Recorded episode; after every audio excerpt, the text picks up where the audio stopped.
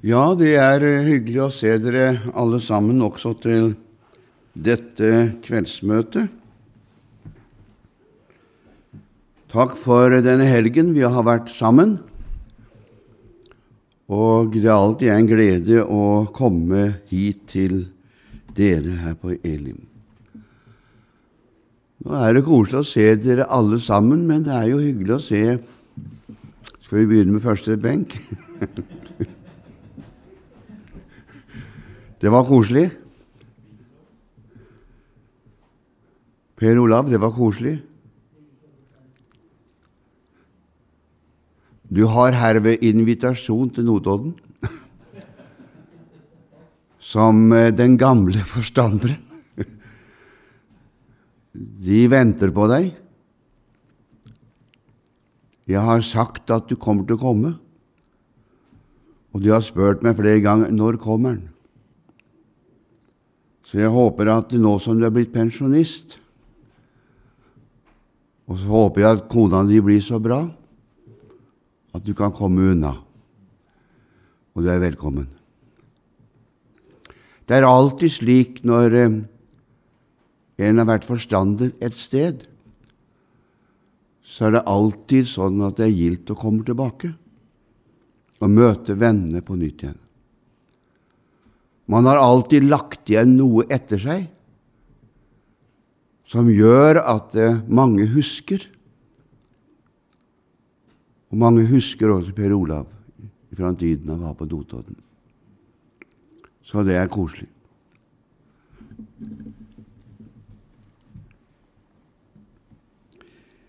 Før jeg går inn på teksten i kveld, så eh, skal jeg bare nevne at uh, vi har en tur til Israel igjen.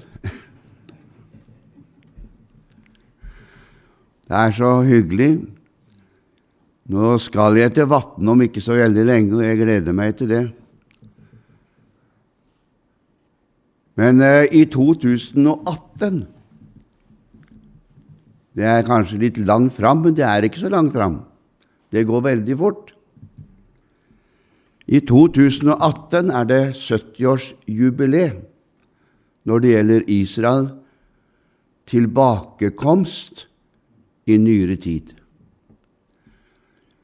I 1948 så fikk de landet tilbake, men den begynte allerede å komme tilbake like etter krigen. Og eh, i 2017 er det 50-årsjubileet for et samlet Jerusalem. Så nå har vi noe å feire. Først et samlet Jerusalem, og så etterpå så har vi 70-årsjubileet.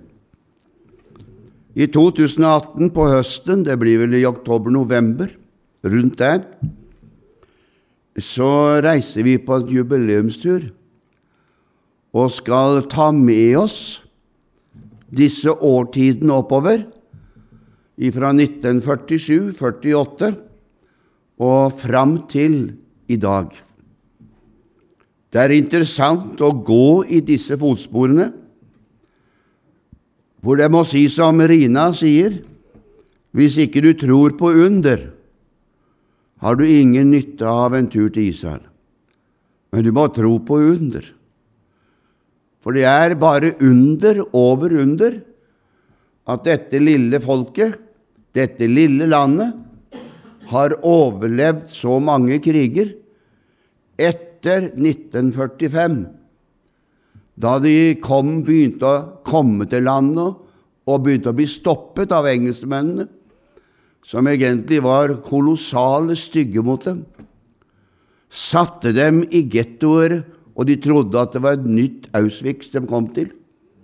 De sperret båtene som kom inn til landet, og drev dem tilbake. Mange døde, mange druknet, for de prøvde å svømme i land. Det er en forferdelig historie som de har å se tilbake på. Men selv om historien er aldri så stygg, aldri så vanskelig, så har de overlevd. Og de lever i beste velgående den dag i dag. på tross av at mennesker har gjennom tidene, da fra 1945 og fram til i dag, sagt at de kom til å gå under. Sagt flere ganger at de kommer ikke til å overleve. Sagt at det er umulig for dem å klare å forsvare seg. Men enda i dag så lever de i beste velgående. Og er egentlig noe av de fremste i verden på så mange, mange måter. I den siste krigen som de hadde fra Gaza Og nå venter de på en krig igjen. Eh, Hamas har eh, egentlig eh, gjort seg rede til en ny krig. De har eh, kjøpt inn kolossalt med våpen. De har fått hjelp til det, både fra Norge, fra FN, fra mange andre land som bidrar til hjelp på Gazastripen, men de vet at hjelpen som de sender, går ikke til de menneskene som skulle hatt dem, men den går til våpenkjøp og til tunnelbygging. De sier også i dag at Israel at de sperrer så de kommer ikke inn, men det er hundrevis av lastebiler som går inn i Gaza hver eneste dag omtrent. Og hele tiden så går det biler inn. Men det er bare at eh, de bilene som går inn med sement, og som skulle vært med for å bygge opp en infrastrukturen i Gaza, de går til tunnelbygging. Og det er masse tunneler nå som er blitt bygd fra Gaza og inn i Israel. Og Israel har avslørt noen av dem, og de vet egentlig at disse tunnelene finnes. Og hva skal de tunnelene brukes til? Jo, de skal brukes til et overraskende angrep på Israel. Og derfor så er disse tunnelene Og det er ikke småtunneler, men det er tunneler, store tunneler som du kan kjøre biler inn i. Du kan kjøre våpen inn i. Det er store tunneler hvor de kan bo bo inni disse tunnelene. Så det er eh, veldige saker de bygger under jorden på denne måten. Og derfor må de støpe dem for å få det til. Dette vet vi om. Dette vet verden om. Men den bryr seg ikke noe om det. Og Israel, det så jeg nå, de venter nå på et angrep ifra Gaza. Men de er beredt til dette. Og eh, Israel de har overlevd disse. Og den siste krigen de hadde fra Gaza, som de igjen vant Og de kom til å vinne alle kriger. De kommer ikke til å tape en eneste krig, for det er ikke mulig for dem å tape en krig. For da er, er ikke denne boka sann. Så de er nødt til å vinne alle krigene. Og de kommer til å vinne alle kriger. Selv om de kommer til å tape mennesker, selv om det kommer til å være noen nederlag, så vinner de krigen. Og den siste krigen så så var det noen arabere som sa det på denne måten. Det er nesten som å hente det ut fra Bibelen, men sa det på denne måten. Det er umulig å slåss imot Israel, for deres Gud beskytter dem. Det måtte de erkjenne. Det er umulig å slåss mot Israel, for deres Gud beskytter dem. Man finner ut det, da, at deres Gud beskytter dem. Og Derfor så sier vi har ikke Gud vært med dem, så har vi vært ute med dem. Men Gud er med dem. Og Gud han gjør det ikke for folkets skyld. Det er ikke for Israels skyld han gjør det, men det er for sitt eget navns skyld. Det sier han klart og tydelig i Bibelen. Det er for mitt eget navns skyld jeg gjør dette jeg gjør dette. For jeg har sagt i mitt ord at jeg skal gjøre det. Og derfor kommer jeg til å gjøre det også. Og derfor er Guds løfte til å stole på til alle tider, også når det gjelder disse tingene. Derfor vil Israel både overleve, og Israel vil være der hele tiden, helt fram til den dagen da Herren kommer tilbake og oppretter sitt store rike på jorden. Så vil Israel være der. Så vi skal se litt på det i 2018, da vi skal reise nedover til Israel. Så har du lyst til å være med? Nå har jeg en sånn bok jeg nå, så jeg skriver opp folk som sier at jeg har lyst til å være med. Så er ikke den bindende, for det kan skje ting fram til 2018. Men eh, det er greit å vite navnene, for når vi nærmer oss den tiden da disse tingene kommer ut, og da vi har planlagt alt sammen, så har vi adressen, og så kan vi sende dette, og så kan man se på det. Og så kan man bestemme seg om man vil være med. Derfor trenger jeg navn og adresse og telefonnummer for å få det til. Og det er mange som har skrevet seg på allerede, for eh, det er interessant. Og jubileum, vet du, det er interessant å være med på et jubileum der nede på denne måten. Nå reiser jeg ned igjen til Israel nå. Vi kom fra Israel for en, ja, det er vel tre uker siden snart nå, da. Og eh, så reiser jeg ned igjen på fredag med en ny gruppe sammen med Leif Torstein, sønnen, og meg. Vi reiser nedover, og den gangen har vi med oss 50 stykker, så den gruppa er helt full. Så det blir interessant å reise nedover nå igjen på denne tiden. Og nå skal vi prøve å reise på denne tiden, dvs. Si slutten, altså 28. oktober, og inn i november skal vi se hvordan den årstiden virker inn, og hvordan den er grei å reise på. For når vi reiser på denne tiden, så er vi ferdig med de store festene, forsoningsfesten og løvhyttefesten og alle disse tingene. Vi er ferdig med det og så kan vi gå inn, og, og eh, da kan det hende at det regner med at vi kan klare å lage turen litt billigere òg, når vi reiser på disse årstidene. Og så er det en veldig fin årstid for dere og oss her i Norge, for da kommer vinterkulda. Og så får du et avbrekk på en 12-13 dager hvor du er nede i varmen før du reiser hjem igjen til kulda her oppe i nord. Så det er jo en veldig fin måte å gjøre det på på denne måten også. Når jeg var nede nå sist, så var det kolossalt varmt i Israel. Over 40 grader. Men nå liker jeg varmen, så jeg syns det er greit. Ja, så det var, var, veldig deilig. Det var veldig godt å være der nede denne gangen, og det var interessant å, å reise. Og vi, vi, vi bor litt forskjellige steder, og det kommer vi til å gjøre også på jubileumsturen. Jubileumsturen blir ikke noe Eilat-tur. Vi kommer ikke til å reise til Eilat på jubileumsturen, men vi kommer til å være i Tel Aviv en par dager. Det har vi ikke gjort før. Vi har bare overnatta i Tel Aviv, men nå skal vi være to dager i Tel Aviv. For i Tel Aviv er en hel del fra 1947 som vi ønsker å se på og framover. Pluss at vi skal til Joppe og se litt med hvordan eh, Peter fikk sin åpenbarelse i Joppe. Så vi skal følge kysten oppover og se på de første kristne også, i Akko oppover til Cesarea, og se på de første kristne som eh, befant seg der på denne tiden. Så vi tar noe gammelt og noe nytt og blander dette sammen, og da blir det en fin blanding vet du, og en fin tur på dette. Så det, det, det, er, det, det er interessant. Så vil du være med på det, så er du velkommen til det. I kveld så skal vi ta for oss den andre siden av Efesebrevet. Og eh, vi skal ta for oss fra det fjerde kapittelet og se litt på femte og sjette, får vi se hvordan vi gjør det. Jeg sa det i går kveld, at Efeserbrevet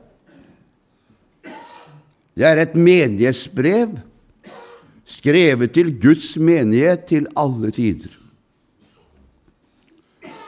Og Når Paulus skriver dette brevet, så deler han det inn i to avsnitter. Den første avsnitten tok vi i går. Det er egentlig hva Jesus har gjort for oss eller hva Gud har gjort for oss igjennom Jesus Kristus.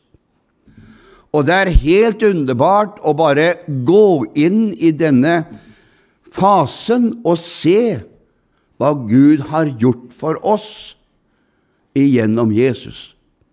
Helt fenomenalt. Jeg sier det av og til til meg sjøl når jeg leser Bibelen. Det går over vettet, sier jeg.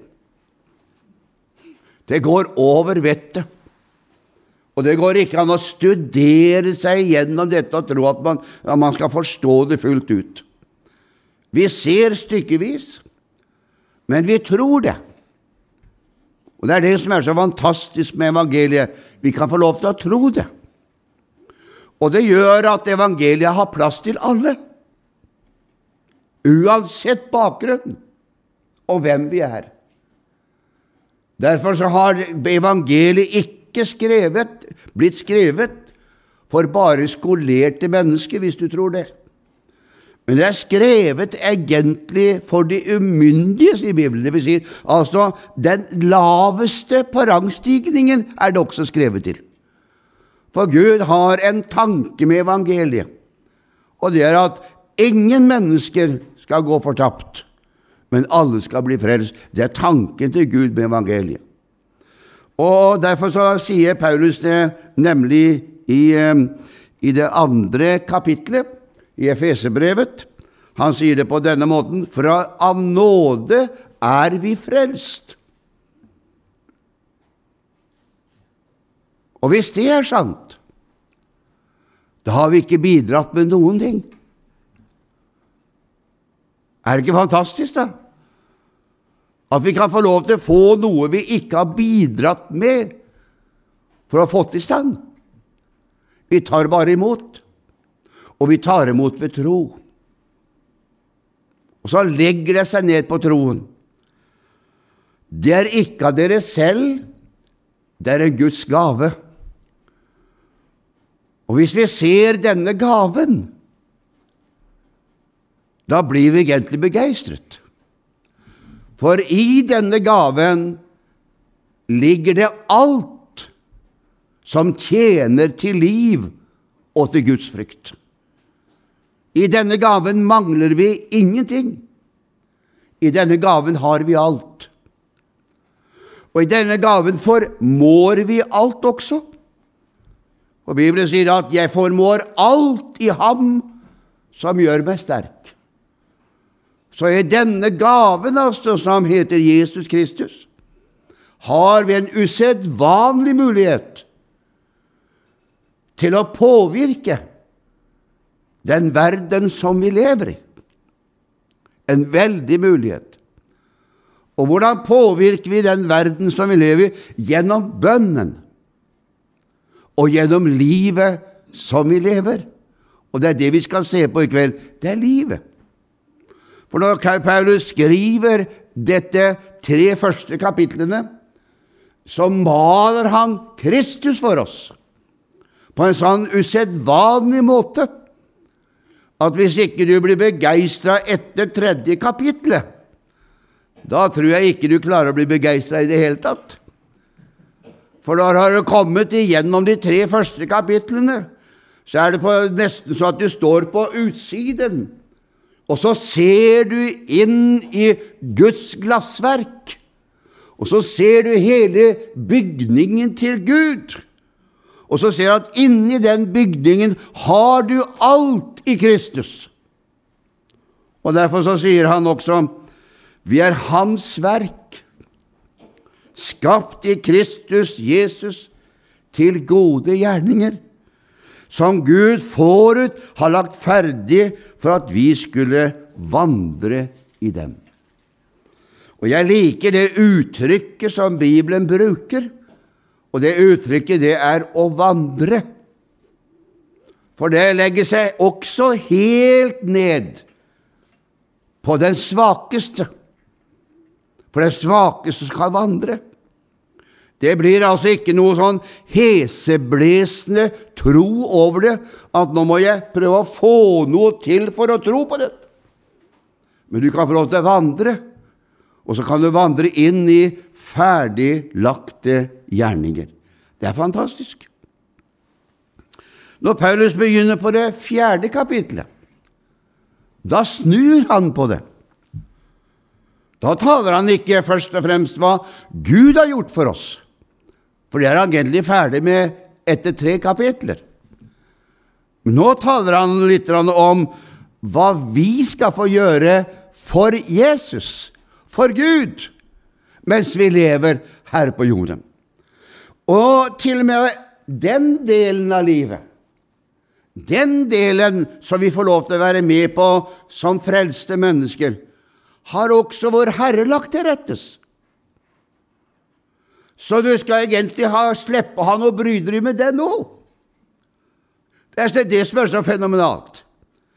Han har til og med lagt det så til rettes at han har, han har til og med nedlagt i deg, ifra naturens side, en naturlig gave. Det er fantastisk. Altså, du er medfødt en naturgave som du har fått av dine foreldre. For du har arvet det, vet du. En naturgave. Og den naturgaven som du har fått nedlagt i deg, den er ikke en naturgave som du skal sysle bort til ingenting. Men det er en naturgave som du skal få lov til å legge i Guds hender. Og så tar han den naturgaven din, og så fyller han den naturgaven med sin kraft og sin ånd. Og så bruker han den naturlige gaven som du får, i hans rike, slik at det du gjør for Jesus, det blir helt naturlig for deg å gjøre. Er det ikke fantastisk? Du vet, jeg, har, jeg, jeg er mekaniker, og det er mitt yrke. Det er ikke noe som egentlig jeg trenger å skryte av. Jeg, skryter aldri av det heller. For det er medfødt.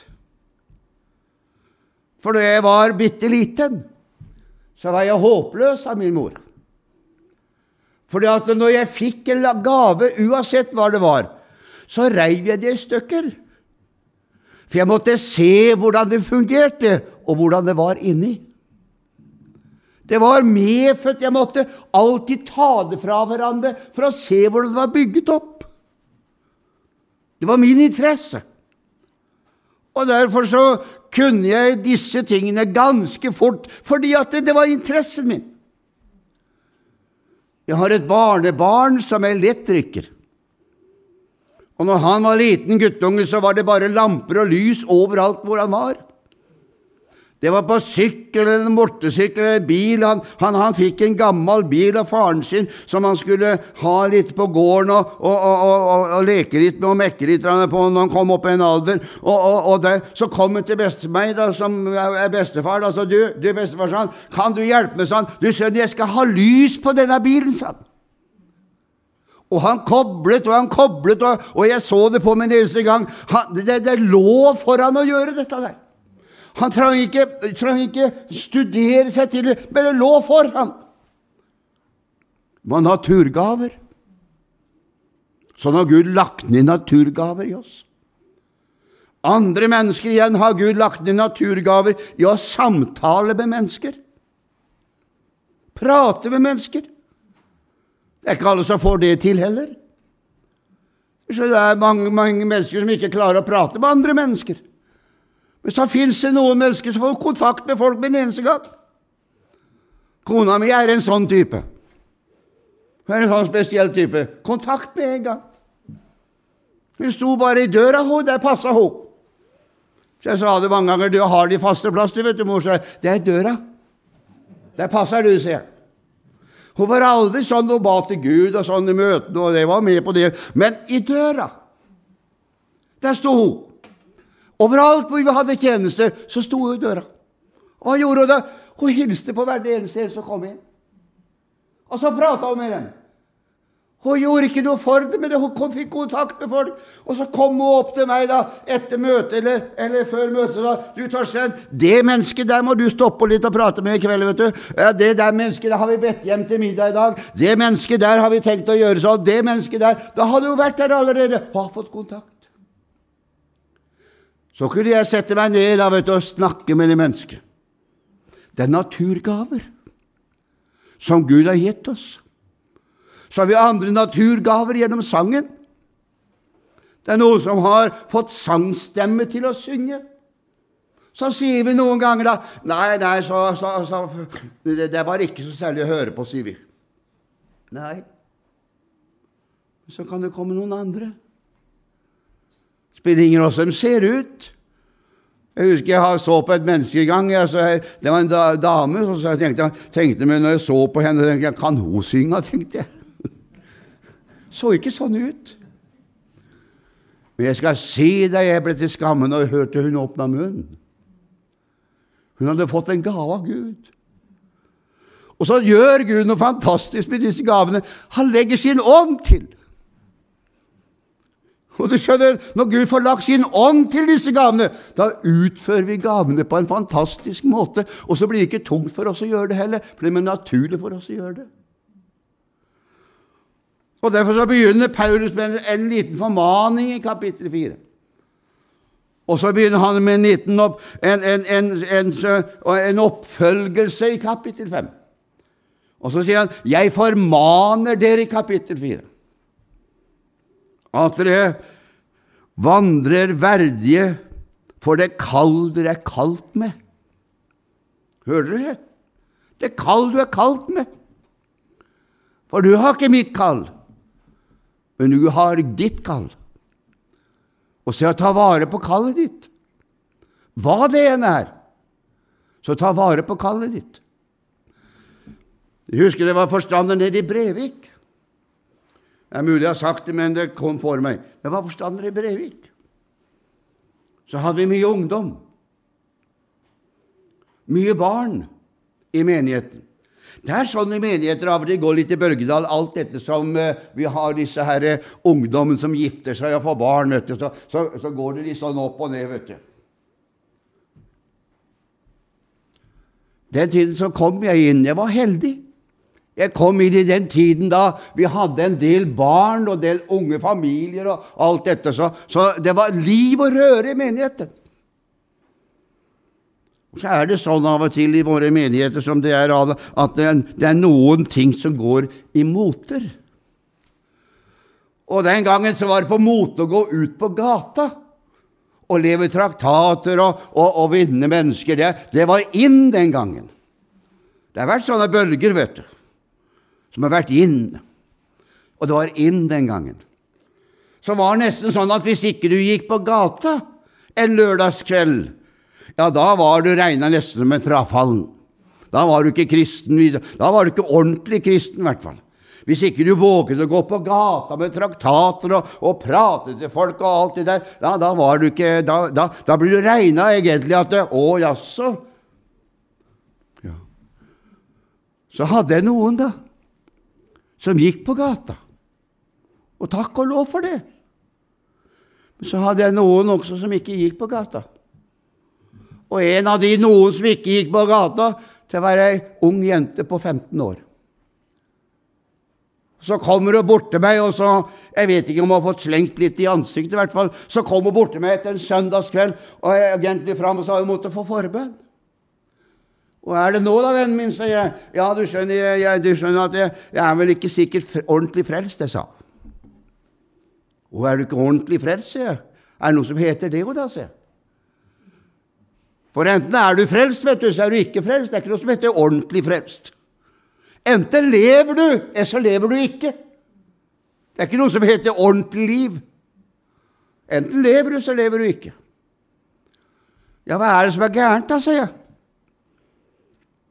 Ja, Så ville hun ikke si det med en gang, men så pressa jeg på, for jeg skulle ha det ut av henne. Hva er det som er galt? Ja, så kom det, da. Ja, det var noen som hadde sagt det til henne fordi at jeg syntes hun var dårlig, da, som ikke ville være med ut på gata. For han syntes de skulle ut på gata med lapper og vinne mennesker. Men hun, hun, hun ville ikke. Nei vel, sier jeg. Hvorfor vil du ikke, da, sier jeg. Jeg får det ikke til, sa hun. Og ikke du heller, sier jeg. Får ikke du det til heller, sier jeg. Og så så på meg med store øyne. Får ikke du det til heller, sa hun. Nei, sier jeg. Jeg har prøvd, jeg, sier, men det går ikke for meg, sier jeg. Jeg har prøvd og gått på gata, jeg, sier Men det nytter ikke, for jeg får ikke kontakt med et eneste menneske. Så det er helt umulig, det, sier Så jeg har eh, stoppa det, sier jeg, og holdt meg til det jeg kan. Og jenta mi, sier jeg, du vet hva holder du på med da, sier jeg. Nei, jeg gjør ikke så mye, sa hun, men jeg er på søndagsskole, var søndagsskolelærer. 15 år. Men hadde så mye innabords at hun kunne sitte med barna og fortelle dem om Jesus. Og ikke bare at hun satt med barna, men hun var det hver eneste søndag. Hver eneste søndag, og den gangen var ikke søndagsskole under møtet, skal jeg si deg. Det var søndagsskole før møtet. Og så var hun på møtet etterpå. Så satt du og fortalte på søndagsskolen om Jesus. Og disse barna vokste opp og ble hos Jesus, mange av dem. Og så sa jeg, på men jenta mi, da har jo du fått ditt kall og ditt pund der. Det er jo det du skal holde på med, for det er naturlig for deg å gjøre det. Er det vanskelig å sitte der og fortelle? Å nei, det er så moro, sa hun. Det er så moro, sa hun. Å sitte der, sa hun, og så leser jeg vet du, der, og så leser jeg litt der, og så er det så moro, sa. Og så lytter de, sa og så synger vi sa Det er så interessant, sa.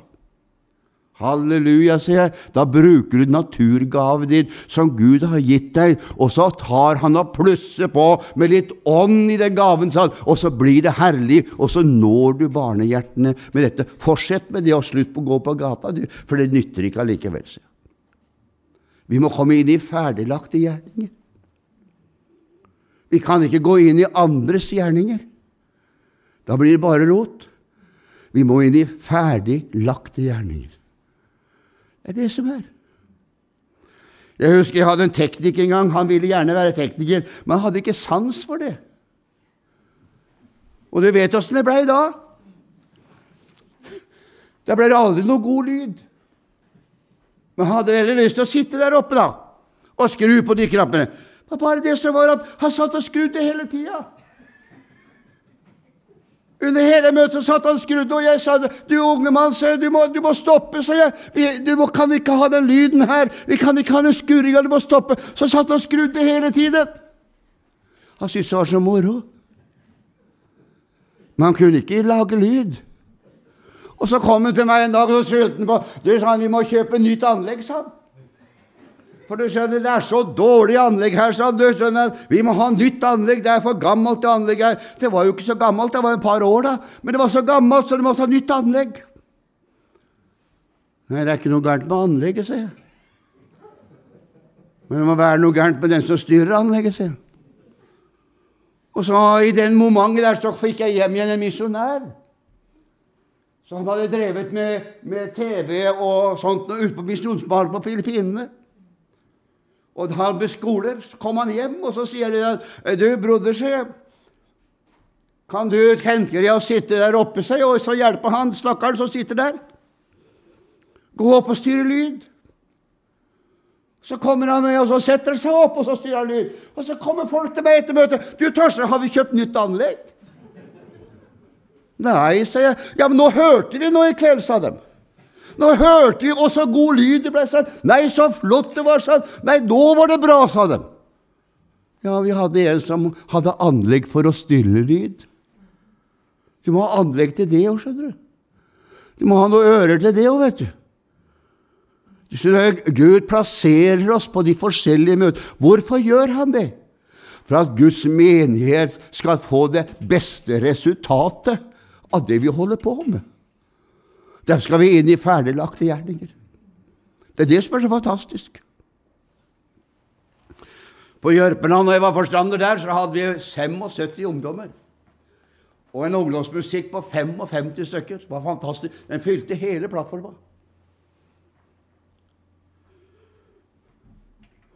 Og jeg er ikke bedre, vet du. Jeg dro på ungdomsmusikkøvelser òg, jeg, vet du. For jeg ville høre egentlig hva de, hva de sang og hva de øvde på. Nå visste jeg hva de sang i menigheten, men jeg ville høre hva de øvde på, og nye sanger òg. For det er masse fine nye sanger. Det er ikke alt som er nytt, som er gærent, vet du. Det er mye positivt nytt òg. Det er bare at det er dem som er født av Gud, dem lever videre. Og dem som ikke er født av Gud, dem blir ei lita stund, så forsvinner dem. Så satt jeg der oppe og så spurte jeg, nå hadde pause, så sier jeg kan jeg få si litt i kveld, sier jeg. Det var pause. Å ja, sa musikklederen. Måtte si ja, så sa jeg, så sa jeg Dere ungdommer, sier jeg. Når dere er på møter sammen med meg, så er dere mine medarbeidere. For da har vi en oppgave vi skal gjøre sammen. Må huske på det, se. Dere har ikke kommet her for å opptre. Det har kommet for å jobbe sammen med meg. Og derfor så må vi ha kommunikasjon i den åndelige verden. Skal vi få det til? Og så må du som musikkleder, sier jeg til henne. er ei dame, jente. Nydelig, flott jente, vet du. Var så flink. Så må du, sier jeg, se på det publikum du har, når du velger ut sanger. For dere synger ikke for dere sjøl, sier jeg. Det kan dere gjøre på øvelser og andre ting. Men når dere er på møte sammen som meg, så synger dere for Herren for å møte de menneskene som sitter i salen. For de skal bli oppbygget av det dere holder på med. Som så på meg.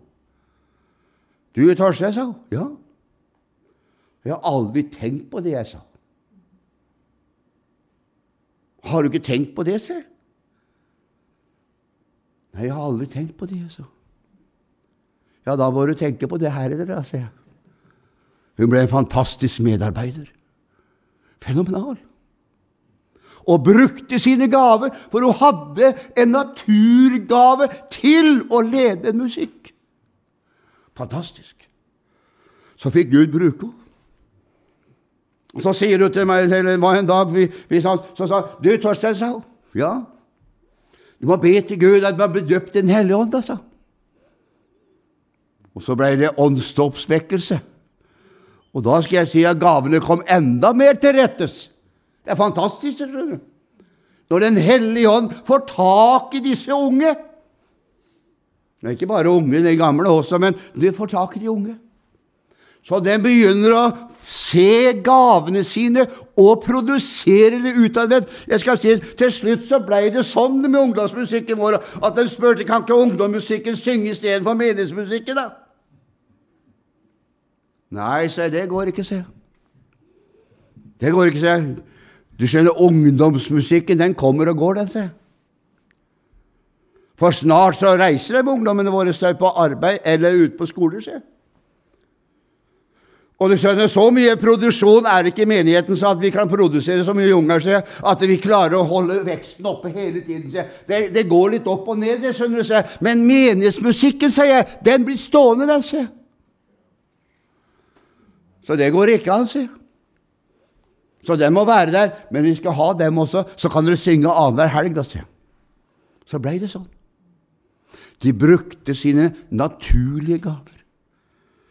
Og Derfor så bruker Paulus det. Vi skal altså vandre verdig, og vi skal bli hans etterfølgere på en slik måte at vi følger etter Jesus, for at det legeme som Jesus har på dette sted hvor du befinner deg, kan vinne sjeler for himmelen. For det er målet vårt. Det er å vide sjeler for himmelen. Derfor snakker han om denne måten. Så sier Paulus i kapittel 5.: Bli mine etterfølgere, altså. Og så legger han til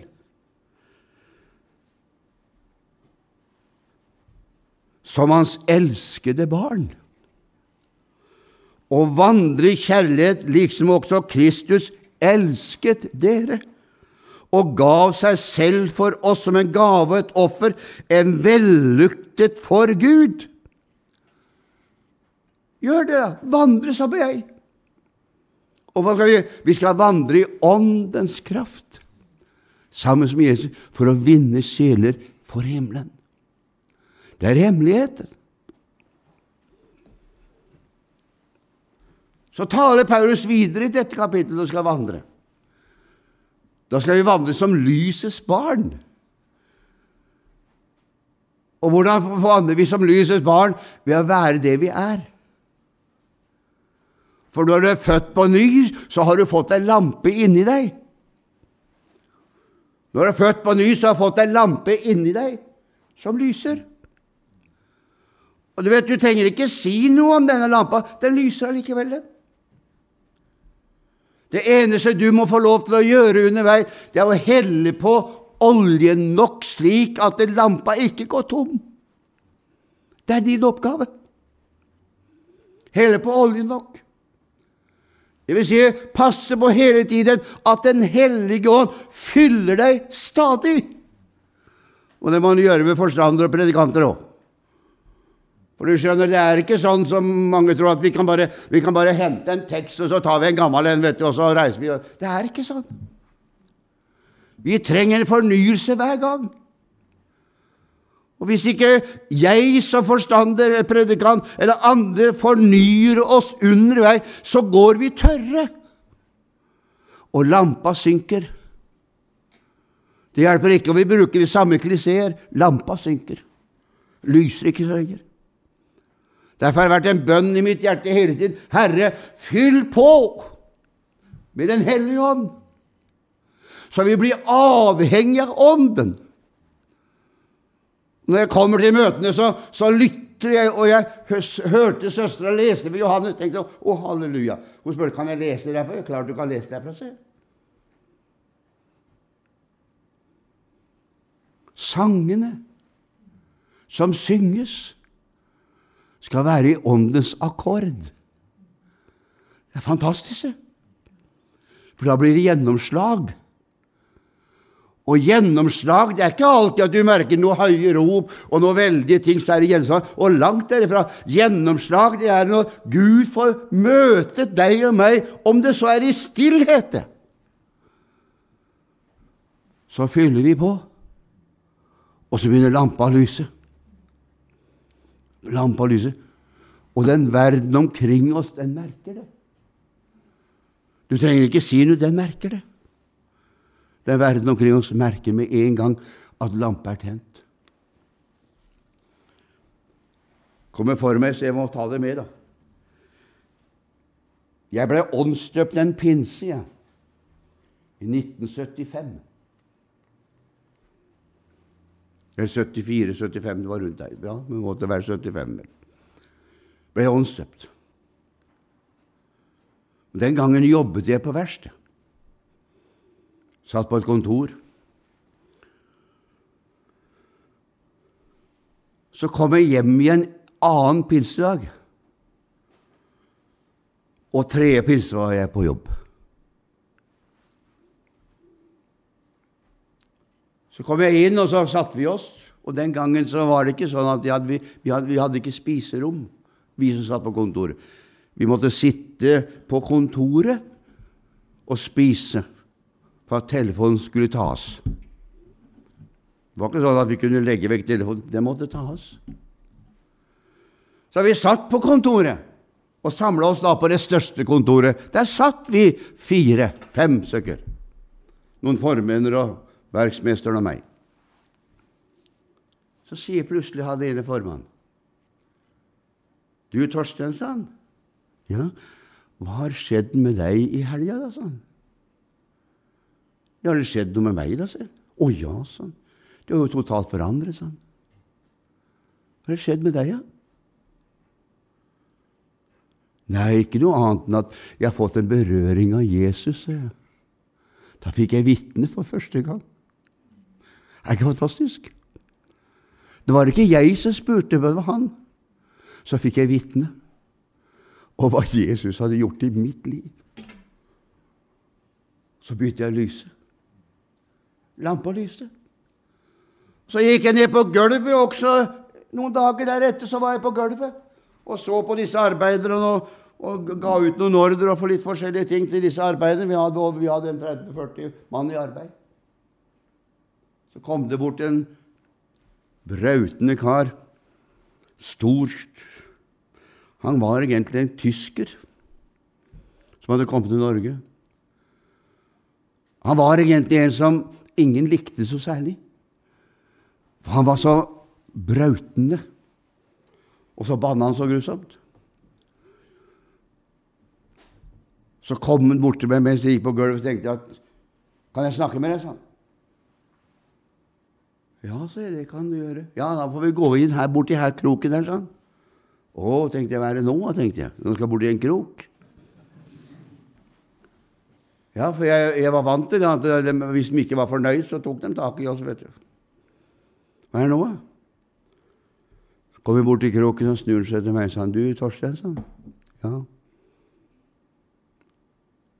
Tror du du kan be for meg, sånn? Jeg ser at du har noe, du, sa han, som ikke jeg har. Tror du du kan be for meg, sa han. Ja, sa jeg, det skal jeg gjøre, så vi kan gjøre det nå. Men du må be litt sjøl òg, sier jeg. Så sto vi borti kroken og ba til Gud sammen. Jeg hadde ikke spurt han om det, men lampa lyste. Ikke min fortjeneste, men Guds fortjeneste. For Den hellige ånd er fantastisk. Derfor sier han 'bli mine etterfølgere'. Sier han på et annet sted, sier jeg er etterfølgt Kristus så taler han om at vi skal få lov til å vandre i lyset som lysets barn. Det må da være underbart å få lov til å vandre et lys. La meg si det med en eneste gang det er ikke lyskaster i Guds rike. Du kommer aldri til å bli en sånn tusenlyskaster, vet du. Det er ikke lyskaster i Guds rike. Det er en lampe. Det er forskjellen. Ei lampe, du vet hvordan den ser ut? Det er disse stormlyktene. Det Det var lampa de brukte. Den hadde olje på kanna det, og olje på lampa. Den lyste akkurat ett eneste skritt. Kun ett skritt av gangen. Jeg har ei sånn lampe hjemme. Og Det var bare det som var problemet, at jeg klarte ikke, kunne ikke sette den opp. For jeg hadde aldri brukt det. Jeg fant henne bare på loftet. Så tok jeg ned og pussa henne, satte på ny veke og satte på olje på den og skulle ha den til å brenne og sånt noe. Glasset ble jo svart med en gang. Og Det betyr jo at den osa det, vet du. Og så sprudde jeg denne her ned, og så ble det nesteren, og så begynte veka å bli hard isteden. Da hadde jeg for lite på igjen. Så fikk jeg besøk av min gamle mor. Og så sier jeg du, mamma, sier jeg, du som har brukt disse lampene mange ganger vet du, i ungdommen din, vet du, du hadde, hadde jo ikke noe annet. Ja, dem jeg, kjenner jeg godt til, sa hun, og tok opp lampa. Det var akkurat som et kjært, gammelt minne. Har du fylt olje på den, sa hun. Ja da, det er olje, sa hun. Har du rett olje, da, sa hun. Ja da, jeg har rett olje.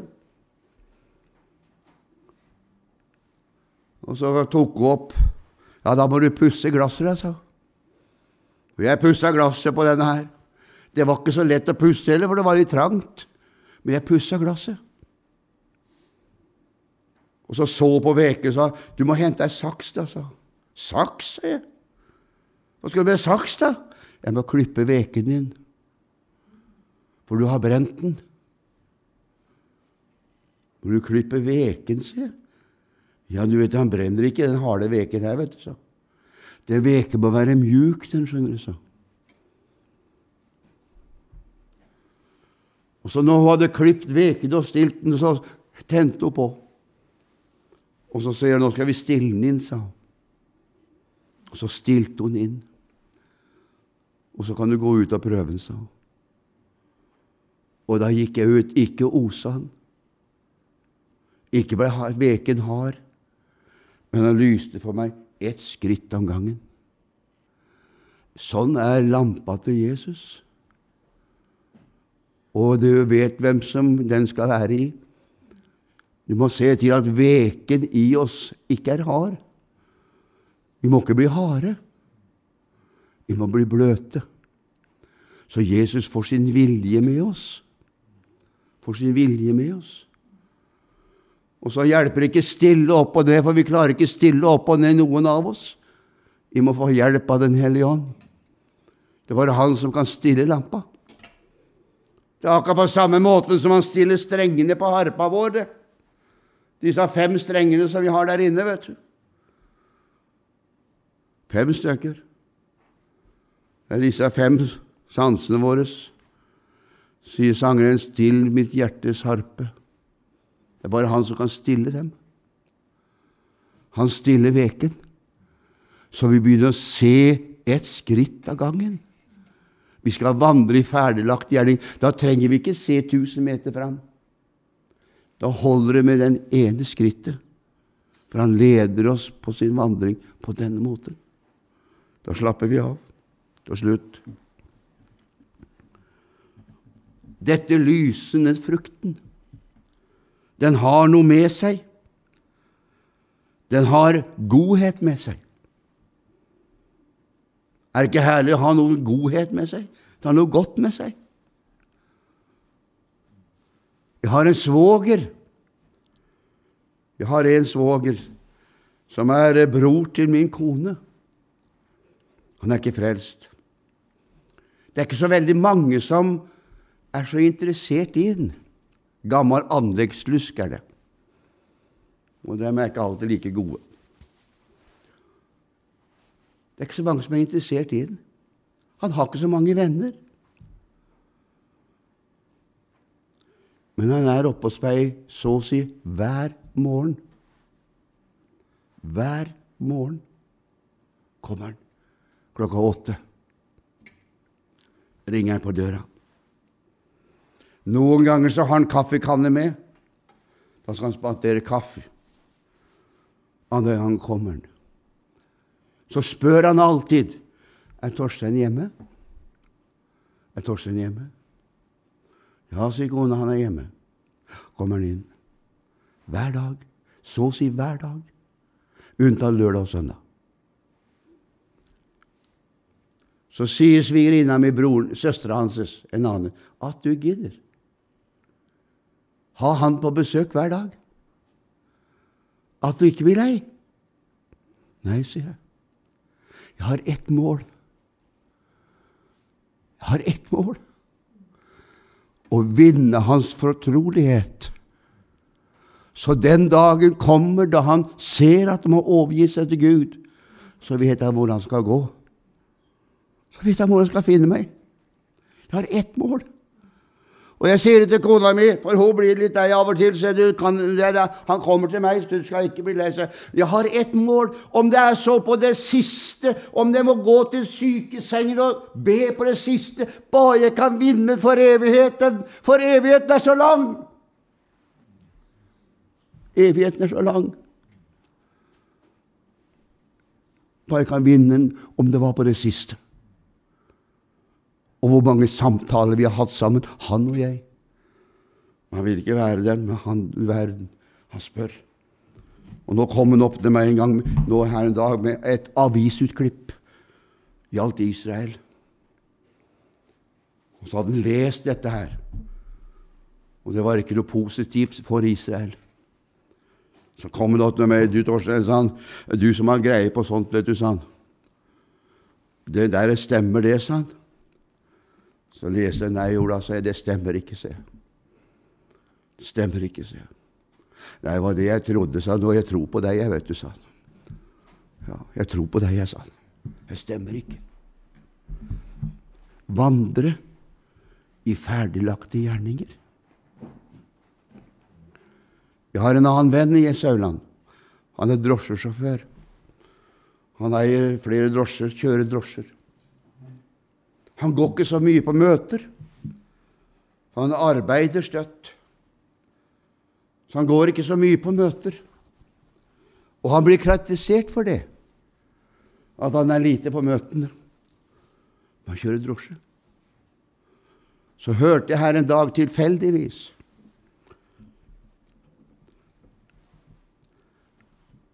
at når syke mennesker blir syke, kommer på sykehus det kan være drankere. Det kan være andre mennesker som er langt borte fra Gud. Så ringer de til Olav. Kan du komme på sykehuset til meg? Kan du komme hjem til meg? Så forteller Olav en dag du vet ikke utallige samtaler jeg har med disse som sitter fulle bak i drosja mi, om Jesus. Han har vunnet utrolig mange for Jesus som ingen har brydd seg om, og som ikke noen har fått tak i. Men han har vunnet dem for Jesus. Du skjønner, lampa lyser, Og for Olav i drosja var det naturlig for dem å snakke om Jesus. Det var hans misjonsmark. Gå inn i din ferdiglagte oppgave og finn din misjonsmark. Så vil Jesus hjelpe deg og lede deg til de mennesker som du skal ta deg av, og som du skal redde for evigheten. Bare Gud kjenner til din oppgave. Amen.